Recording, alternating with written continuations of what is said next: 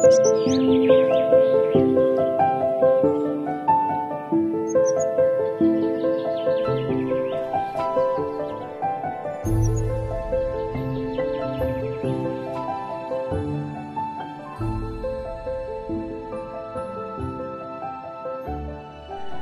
kami hormati Bapak Ibu Pandita, para upasaka, upasika, serta saudara-saudari sedharma di mana pun berada, marilah kita mengagungkan Guru Agung Junjungan kita, Namo Sang Yang Adi Budaya, Namo Buddhaya.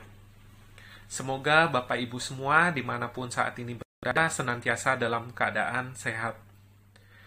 Pada kesempatan yang berbahagia ini, saya akan membawakan sebuah topik dengan judul Tiga hal yang sangat sulit dilakukan oleh manusia. Apakah tiga hal tersebut? Yang pertama adalah memberi maaf. Memberikan maaf kepada orang yang pernah berbuat jahat atau salah dan menyakiti kita tidaklah mudah.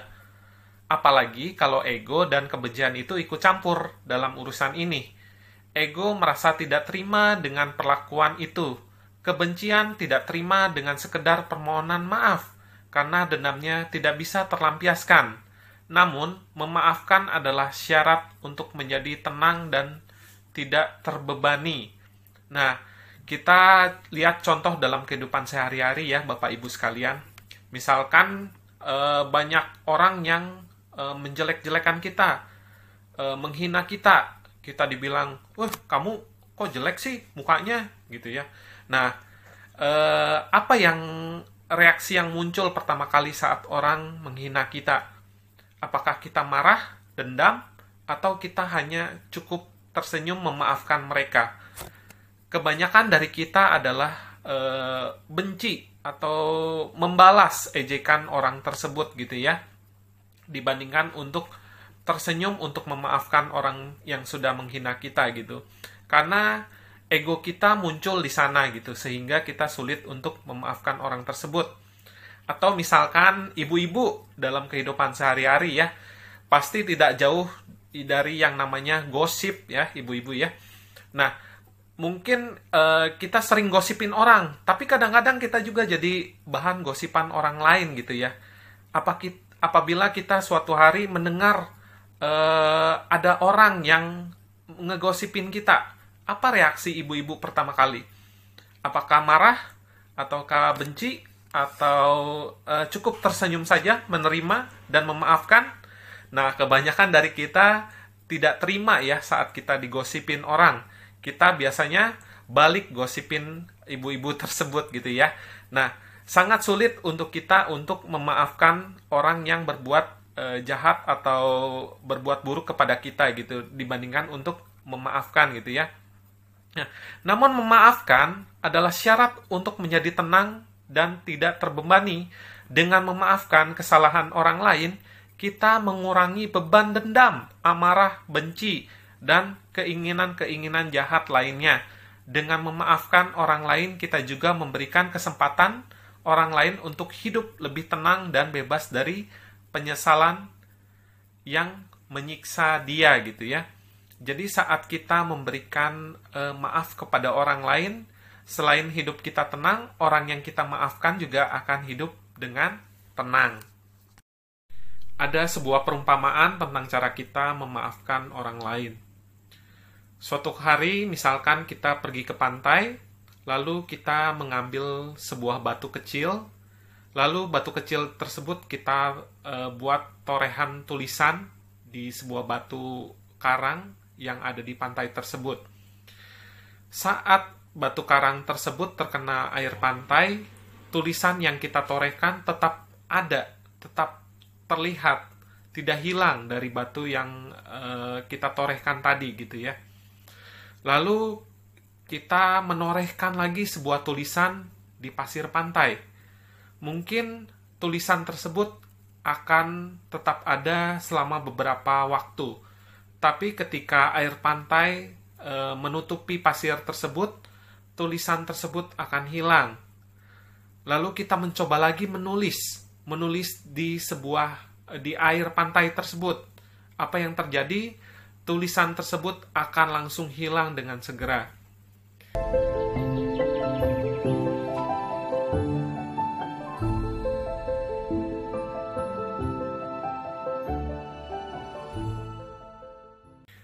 Sama halnya dengan cara kita memaafkan orang lain. Apabila orang berbuat jahat atau berbuat e, kurang menyenangkan terhadap kita, seperti yang pertama ditorehkan di batu, kita sangat sulit untuk memaafkan orang tersebut. Kesalahan tersebut masih kita simpan dalam hati kita ya, tidak hilang walaupun dimakan oleh waktu gitu.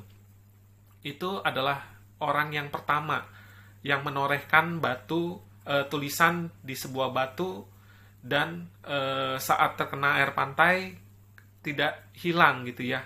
Sama halnya saat orang berbuat jahat kepada kita, kita tidak memberikan maaf untuk orang tersebut, maka akan terus membekas dalam hati kita. Lalu perumpamaan yang kedua saat orang menulis di pasir. Mungkin e, ada orang yang menyakiti kita kita hanya simpan uh, untuk sebentar saja gitu. Lalu tidak lama kita akan melupakan atau memaafkan uh, kesalahan orang tersebut.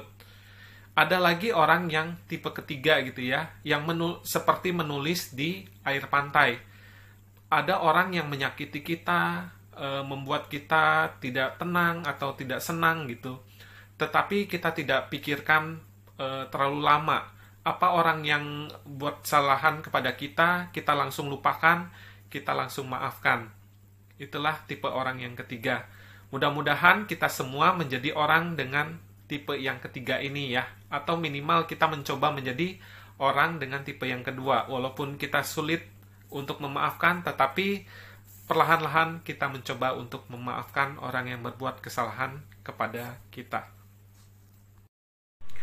Bapak Ibu sekalian, lalu hal apakah yang kedua yang sangat sulit untuk dilakukan? Yaitu membalas kejahatan dengan kebajikan.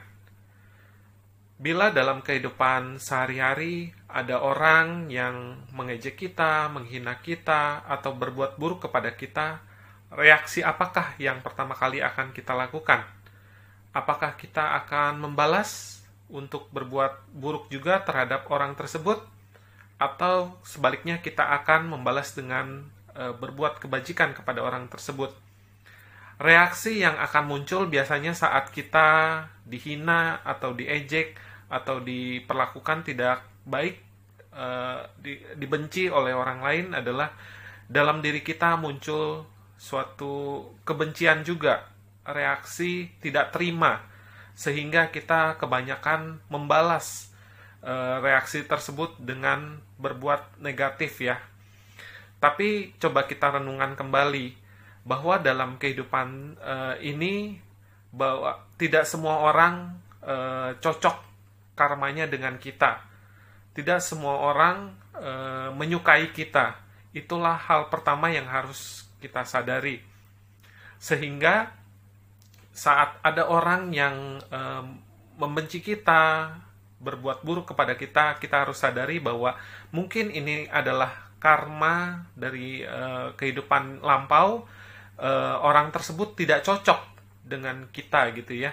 Sehingga di kehidupan yang saat ini ada orang yang tidak uh, menyukai kita atau membenci kita gitu.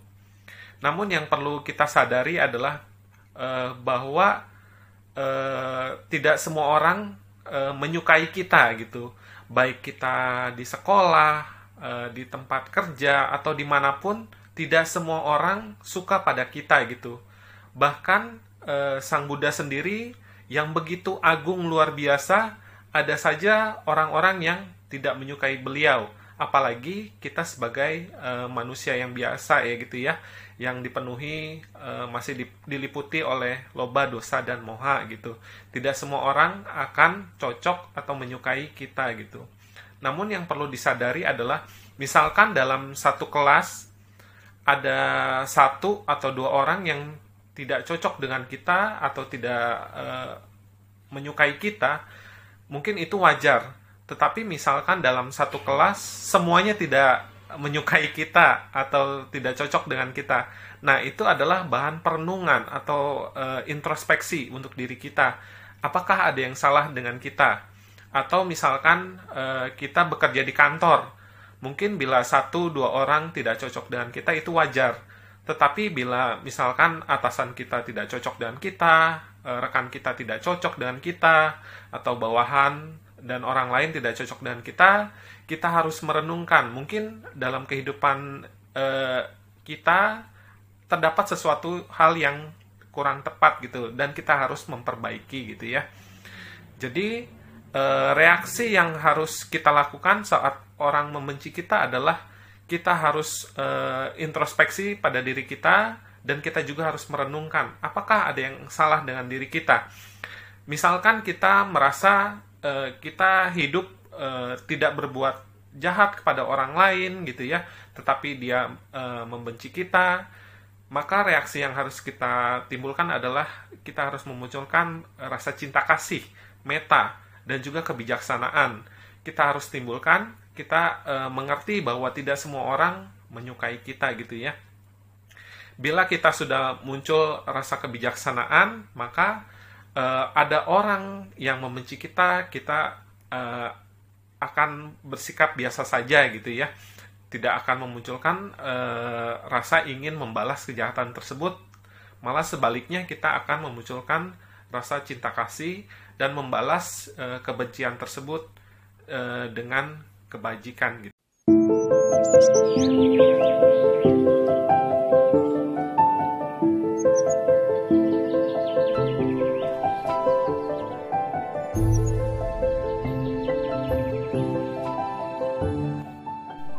Bapak Ibu sekalian, hal ketiga yang sulit dilakukan adalah mengakui kesalahan diri sendiri atau meminta maaf pada umumnya gitu ya. Nah, meskipun terlihat sederhana ya, namun tidak mudah untuk melakukan hal tersebut, yaitu meminta maaf atau mengakui kesalahan diri kita sendiri. Meminta maaf atau mengakui kesalahan memerlukan suatu keberanian untuk melepas. Hal utama yang dilepas adalah ego kita. Saat meminta maaf atau mengakui kesalahan, seseorang harus siap menerima kemungkinan tentang adanya omelan atau sanksi atau bahkan amarah dari orang lain. Ketika seseorang tidak siap dengan konsekuensi tersebut, maka ego seseorang akan menghalanginya untuk meminta maaf atau mengakui kesalahan. Alih-alih meminta maaf, ego kita memaksa seseorang untuk merasa menjadi yang paling benar. Jadi misalkan kita berbuat e, salah, bila ego kita lebih besar, maka kita akan sulit untuk meminta maaf atau mengakui kesalahan. Malahan kita jadikan suatu alasan pembenaran untuk diri kita sendiri gitu ya. Mengakui kesalahan dan meminta maaf adalah cara gampang untuk terbebas dari rasa bersalah sebenarnya gitu ya. Dengan kita meminta maaf atau mengakui kesalahan, perasaan kita tentunya akan lebih lega. Nah, dalam agama Buddha mengakui kesalahan dan meminta maaf sangatlah dianjurkan. Selain itu, memberikan maaf kepada orang yang pantas dimaafkan adalah perbuatan yang sangat bijak Buddha berkata bahwa orang bijak memiliki tiga kualitas baik. Apa saja? Yaitu melihat kesalahan sebagai kesalahan. Yang kedua, setelah menyadarinya, ia memperbaikinya. Kemudian yang ketiga, orang lain mengakui kesalahannya dan meminta maaf. Ia memberikan maaf sebagaimana mestinya. Jadi hal yang ketiga uh, mudah-mudahan dapat kita lakukan yaitu mengakui bila memang benar kita uh, berbuat salah atau ber, membenci orang atau kita berbuat yang tidak menyenangkan untuk orang lain dan kita memberanikan diri untuk meminta maaf atau mengakui kesalahan kita maka itu adalah suatu kebajikan atau dana yang sangat luar biasa gitu ya.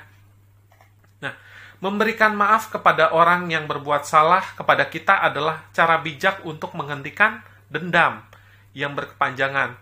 Kita tak perlu menyimpan dendam dan amarah kepada orang yang telah merugikan kita.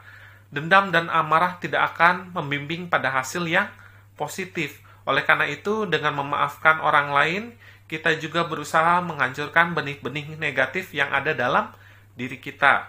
Memberikan maaf berarti juga mengikis arogansi, kebencian, dan dendam. Memaafkan orang lain berarti juga mengembangkan kebijaksanaan, kesabaran, pengertian, dan welas asih.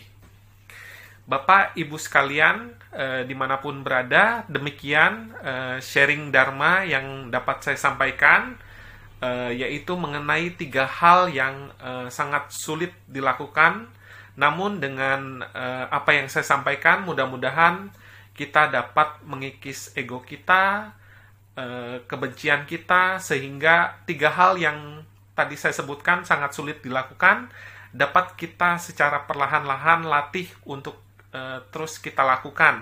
Yaitu yang uh, pertama, kita meminta maaf, ya, bila kita berbuat salah, atau mengakui bila kita berbuat kesalahan yang kedua yaitu memberikan maaf e, kepada orang yang e, mungkin bersalah kepada kita. Lalu yang ketiga adalah membalas kejahatan dengan kebajikan. Namo Sang Yang Adi Budaya, Namo Budaya. thank you